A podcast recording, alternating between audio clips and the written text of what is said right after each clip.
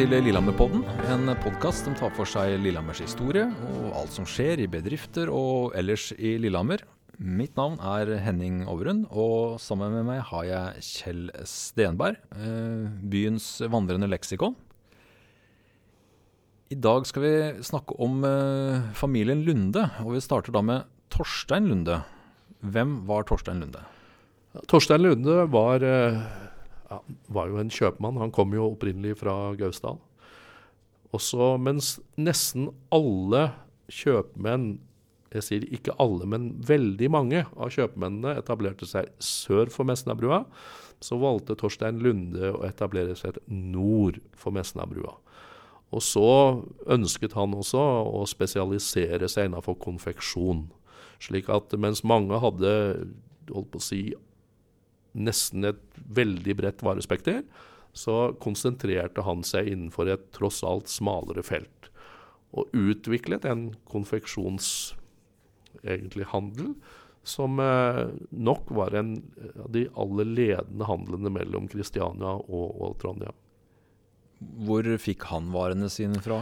Nei, han var også en mann av uh, den moderne tid. Og da må vi tenke oss uh, På slutten av 1800-tallet så har vi uh, Bjørnstjerne Bjørnson flytter til Aulestad. Torstein Lunde er venstremann. Han er egentlig Eh, en som eh, kommuniserer godt med, med bl.a. Bjørnstjerne Bjørnson, som er en sentral aktør på egentlig den litt progressive siden i Norge den gangen. Eh, også det som kanskje ikke folk kjenner til. Bjørnstjerne Bjørnson var også en innovatør. Han fikk jo på plass noe, et kraftverk i nærheten av, av Aulestad, så han var også veldig opptatt av den nye tid. Og det var også Torstein Lunde. Og Torstein Lunde var en, en pådriver for Lillehammer bys utvikling. I likhet med noen andre som vi har snakket om tidligere, så var han en veldig pådriver for å utvikle byen. Og han ønsket at dette skulle bli et stor by med et sentralt jernbanesentrum, hvor jernbanen var viktig, og hvor også det var et sett med ting som naturlig burde være her. Annet så var han veldig opptatt av slakterier, og i og for seg å kunne frakte slakt fram og sørge for at uh, det ble slaktet ting, og som igjen da ble sendt ut til kunder osv. Så, videre. så han var opptatt langt utover egentlig sin egen bedrift. Men han kom jo da fra Gausdal, sier du. Men da kommer han vel trolig fra en jordbruksfamilie. og hvordan Vet vi noe om hvorfor han endte opp i da konfeksjon?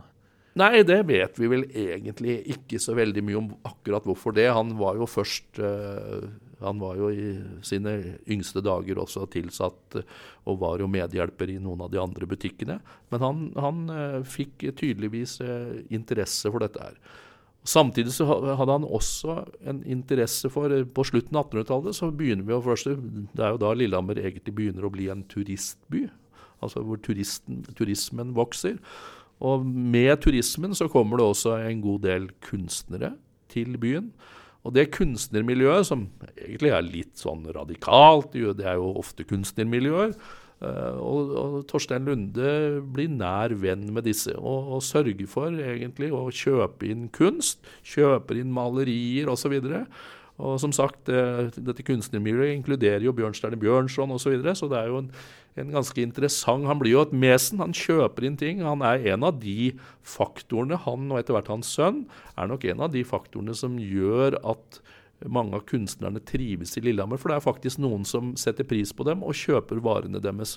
Du må huske at de kunstnerne den gangen, det var ikke Selv om mange i og for seg kom fra familier som egentlig hadde, hadde ikke ubetydelig med penger, så var det jo ikke De levde jo ikke på høy fot, mange av disse her. Og det var viktig for en god del av kunstnerne at de faktisk kunne få solgt varene sine for å tjene til livets opphold jeg vil jo tro at kunst på den tida er som du sier, eh, kunstnerne lever kanskje litt fra hånd til munn, men de som har råd til kunst, er jo på øvre skalaen av, eh, av, av byen eh, i hierarkiet. Selvfølgelig, og Torstein Lunde er jo, han er jo etter hvert han er jo en stor kjøpmann. og Han er jo en, en rik person og bygger jo opp det som i dag, eller som heter Lundegården, nord i, i, i Lillehammer, hvor det i dag er et sentralt hotell. Og så, ja, Hvilken kjente kunstnere kan vi peke tilbake til? Veit vi noe om det? Hvem som kom, hvem, Hjalp han noen opp og frem? At han har en relasjon til Bjørnsen Bjørnson? Men han var vel på en måte kjent ja, han var kjent, så det var jo, det var jo mer han, De var jo kanskje si, politiske åndsfrender. Det sies at det er ikke alltid at de var enige om ting. Så det hendte visstnok at uh, han, Bjørnstjerne overnattet jo ofte borte på på Lundegården hos Lunde. Vel å merke når de ikke var uvenner, for da bodde han på, på Victoria hotell, altså nåværende Scandic, eller Rika Scandic.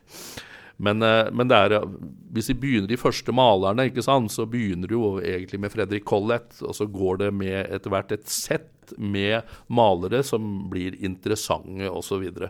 Uh, Thorvald Eriksen, så kommer jo disse kunstnerne som bosetter seg uh, for godt i Lillehammer også, i tillegg Lars Jorde f.eks.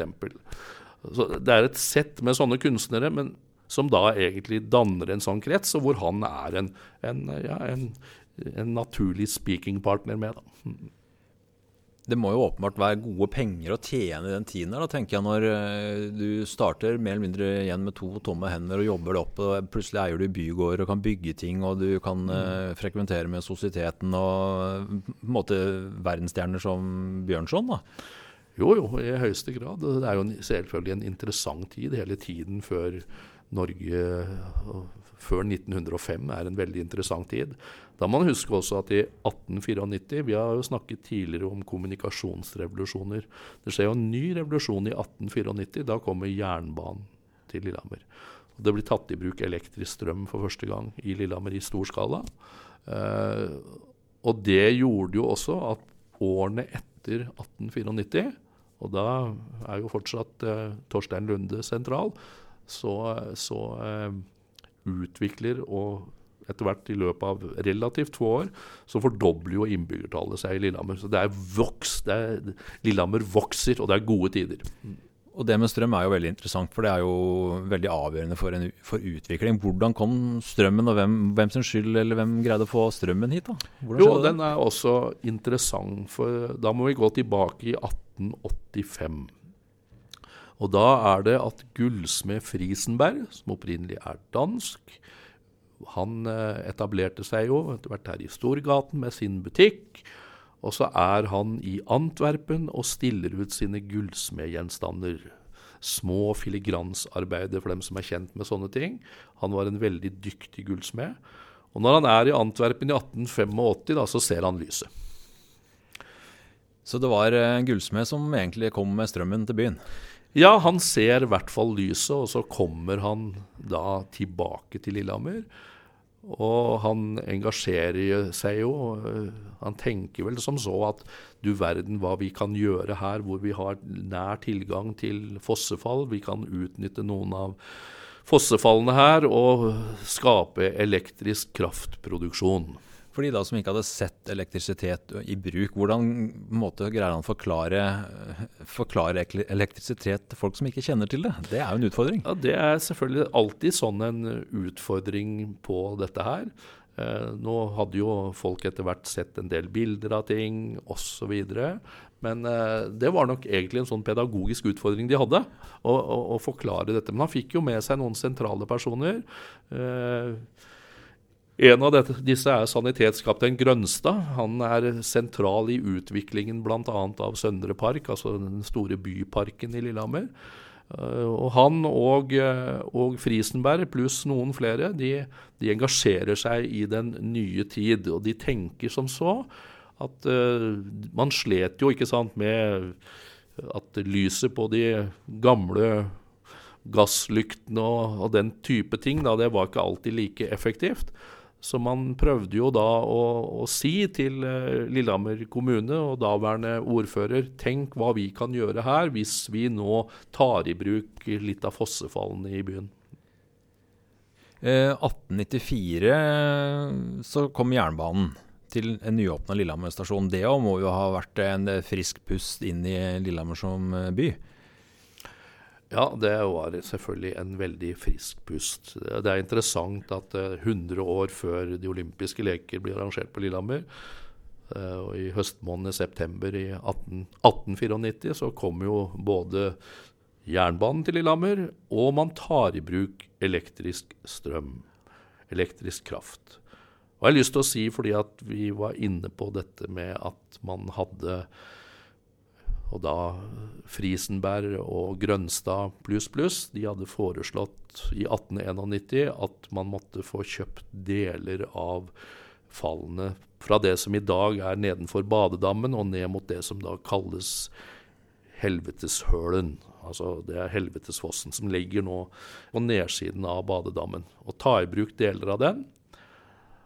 Og Så blir dette foreslått i 1891, og da er det litt interessant, fordi at det er, da sier vel daværende ordfører Bøhmer, som var en veldig oppegående person, men det har litt med den nye tid å gjøre, han sier at hele prosjektet er ubetimelig. Og for allmennyttig vil strøm aldri bli i Lillehammer. Det er den klassiske innovasjonshistorien. Vi er jo sånn, de fleste av oss, vi er jo litt skeptiske mot nye ting. Og det var også Bøhmer og en god del andre av politikerne da, den gangen i Lillehammer. Men uansett, altså faktisk så ved hjelp av en del private initiativ osv., så, videre, så går det seg til. Og i 1894 så åpner det første kraftverket, en av landets aller første kraftstasjoner, åpner oppe i det som da, vi i dag kaller Helvetesfossen i Lillehammer. Eh, og samtidig, som sagt, så, så får man jernbanen fram til Lillehammer. Og jeg pleier å si da, til konsulentfirmaer som jobber med nåværende jernbane, at det er litt interessant. Da. Fordi at eh, beslutningen om jernbanen til Lillehammer, den ble fattet i 1891. Det er den såkalte Hamar-Selbanen, som i første omgang gikk mellom Hamar og 13 besluttet i 1891, og så er det åpning på de ti milene i høsten 1894. Det er altså tre år. Og så kan vi tenke litt selv på hvor raskt jernbaneutvikling foregår i dag. Det er en interessant, interessant sammenligning. Det er en del eh, direktorater og mm, folk som kanskje skulle vært sendt tilbake i tid for å se hvordan ting ble gjort da. Ja, hvis alle tror at ting, alle ting går fortere i dag enn før, så er ikke det tilfellet. Men sånn jeg forsto det, så ønska Lunde at banen skulle gå fra Gjøvik til Lillehammer? Ja, han hadde jo et ønske egentlig om at den såkalte Nordbanen, som han kalte det, skulle gå fra Gjøvik. Det var en stor diskusjon om det skulle gå fra mellom Hamar og Lillehammer, eller fra Gjøvik og Lillehammer. Men hva var da begrunnelsen for at han ønska det fra Gjøvik, og det ble fra Hamar? Var det industrielt, eller hvilken eh, Nei, Det var nok egentlig litt forskjellige interesser og mellom ulike både bedriftseiere osv. Alt avhengig av hvor de hørte til. Men uansett så, så resultatet ble nå at det kom fra Hamar. Og Torstein Lunde fikk jo da en sønn ved navn Einar. Han tok jo da etter hvert over familiebedriften og videreførte det meste. Eh, men det som er interessant der, er vel kanskje den kunstinteressen. For han tok det videre til et nytt punkt, kanskje? Han gjorde det. Eh, og det som er interessante, det er mange interessante ting også med Einar Lunde, foruten at han videreførte bedriften og den virksomheten. Men han, han, han, var jo veldig Han var jo igjen veldig engasjert opp mot kunstnermiljøene. Fortsatte den Mesen-aktiviteten med, med kunstnere. Og så gjorde han, for han ønsket å, å kunne selge også møbler. Så han tok da i bruk sentrale kunstnere som bosatte seg i Lillehammer, eller som var i Lillehammer, til å utvikle og være med å utvikle møblene sine. Dette var jo en trend som vi også så i, rundt omkring på flere steder i Europa. Men han gjorde altså det, og, og lagde jo da det som i dag vi kaller Lundemøblene, som er fortsatt i dag interessante møbler. Så møbler gikk fra å være noe praktisk du hadde i huset, til at det også skulle være noe pent å se på? Ja, og selvfølgelig da med ulike kunstneriske innslag på disse møblene. Mm. Uh, kan vi se noen eksempler på de møblene noe sted i byen i dag? Ja, vi kan i hvert fall, nå har, Mayen har mange utstillinger, så de, vi kan jo se deler av ting der. Og det finnes nok også ting på, i, også en del hjem i, i Lillehammer i dag, uten at det er noe bygg som egentlig er prangende med akkurat møblene. Men det her eh, det jo, endte jo opp med veldig mye kunstverk etter hvert. da, Og det må den jo gjøre et sted. Hva, hva, gjorde han med alt det han hadde samla? Hvis vi nærmer oss uh, Einar Lunde, Når man nærmer seg byjubileet, altså i 1927 er Lillehammer 100 år. Men noen år før det, i 1921, så beslutter da Einar Lunde at han ønsker å donere 100 av de maleriene som han har samlet, og gi de til Lillehammer kommune, hvis under forutsetning at de skaffer lokale og da etablerer egentlig en kunstsamling. Og Han gjør jo det, og så er det mange ideer. da, Hvor skal man ha denne kunstsamlingen? Og En av de ideene er faktisk eh, nede på i nåværende terrassen. Så er det tegnet tegninger som ja, eh, litt like som tydelig er inspirert av eh, både gresk-romerske templer, som egentlig var tegnet inn oppe på terrassetomta, altså oppe på den gamle mølletomta da, til Brufoss mølle. Nå ble det ikke noe av det, men uh, uansett, i, i, 1927 så åpner jo da det første egentlig Lillehammer kunstmuseum i Hammer gård, opphavsgården som har gitt byen navn. Det her er jo åpenbart en stor donasjon av verdi. Eh, Veit vi noe om det? Ja, altså hvor mye det nå er vel kunst eh, Det er vel de som driver med konservatorer osv. som kan si litt om hva verdien er på det i dag. Men det er jo en, for å si det mildt, en ikke ubetydelig verdi. Og det danner jo grunnlaget for det som etter hvert blir jo, og i dag er jo Lillehammer kunstmuseum et av landets helt sentrale kunstinstitusjoner. Så det var starten på hele den delen av det. Ble det lagt noen mer føringer i den donasjonen i forhold til hvordan det skulle se ut, og hvordan det skulle brukes og stilles ut og sånn? Nei, nå skal jeg være veldig forsiktig med å, å, å, si nøyaktig hvordan man skulle gjøre sånn og sånn. Nå var det nok sikkert en del ønsker med hvordan man skulle gjøre ting. Men eh, det er vel ikke noen kjente andre beskrankninger egentlig utenom at dette her skulle stilles ut og få en ordentlig plassering. da. Og Vi kan jo spole frem til nåtid, hvor da en by som heter Kristiansand har fått en ikke ubetydelig kunstdonasjon fra oljefondsjef Nicolai Tangen, som mm. har ført til mye bruduljer. Eh, hvordan, det, hvordan, ble den donasjonen fra Lunde mottatt av byens innbyggere da? Forsto de verdien av det, eller? Det er vel riktig å si at en, en, en god del forsto det, og så er det helt sikkert en betydelig andel også som heller ikke hadde noe spesielt forhold til kunst som sådan. Mm. Det var dagens episode av eh, Lillehammerpodden. Den er produsert av eh, Votter og Vinter, et eh, medieselskap.